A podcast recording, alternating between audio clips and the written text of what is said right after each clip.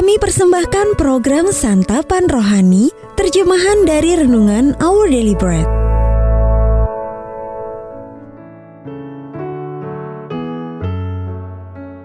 Sahabat ODB, pembacaan Alkitab hari ini terambil dari 1 Petrus pasal yang pertama ayat yang ketiga sampai dengan ayat yang ke-9. 1 Petrus pasal yang pertama ayat yang ketiga sampai dengan ayat yang ke-9. Pengharapan, iman, dan kasih.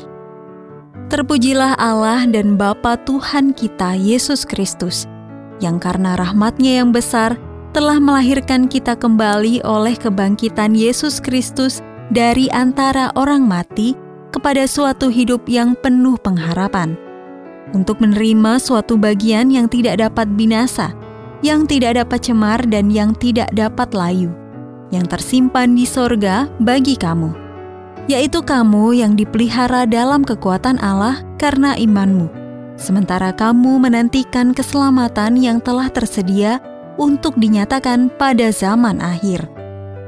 Bergembiralah akan hal itu, sekalipun sekarang ini kamu seketika harus berduka cita oleh berbagai-bagai pencobaan.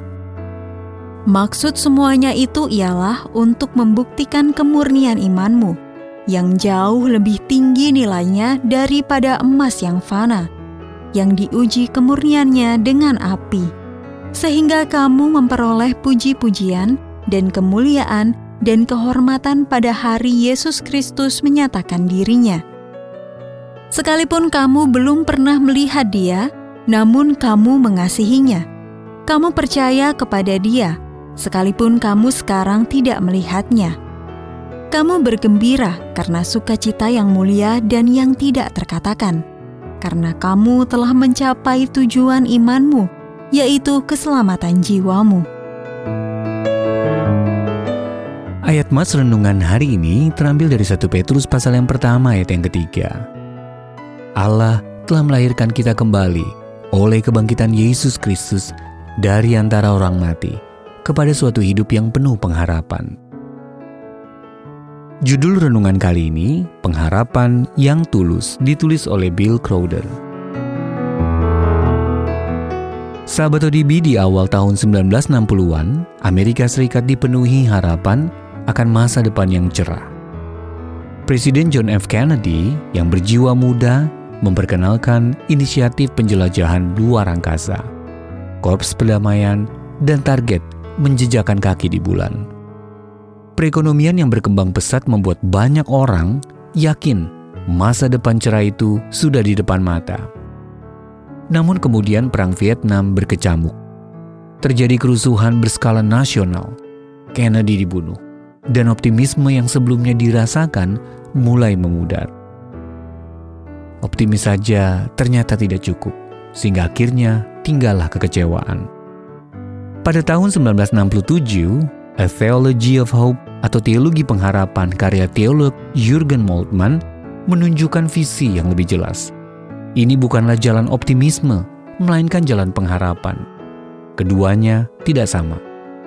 Moltmann menegaskan bahwa optimisme didasarkan pada keadaan saat ini, tapi pengharapan berakar pada kesetiaan Allah, bagaimanapun situasinya. Jadi apa sumber pengharapan itu? Petrus menulis, Terpujilah Allah dan Bapa Tuhan kita Yesus Kristus, yang karena rahmatnya yang besar telah melahirkan kita kembali oleh kebangkitan Yesus Kristus dari antara orang mati kepada suatu hidup yang penuh pengharapan. Allah kita yang setia telah mengalahkan maut melalui Yesus, anaknya. Realitas kemenangan teragung ini mengangkat kita melampaui optimisme belaka kepada pengharapan yang kuat dan teguh. Setiap hari, dalam setiap situasi.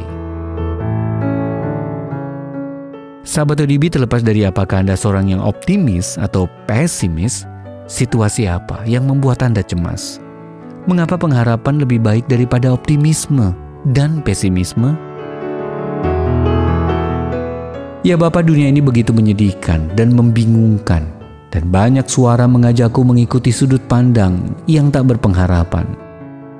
Tolonglah agar hatiku kuat berakar pada janji dan kuasa kebangkitan Yesus yang mengendalikan masa depan. Our daily bread ministries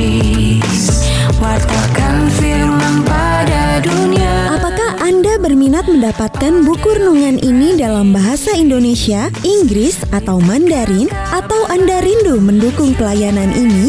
Hubungi Our Bread Ministries di 021 2902 8950 WhatsApp 0878 7878 9978 Email indonesia@odb.org Tuhan Yesus memberkati.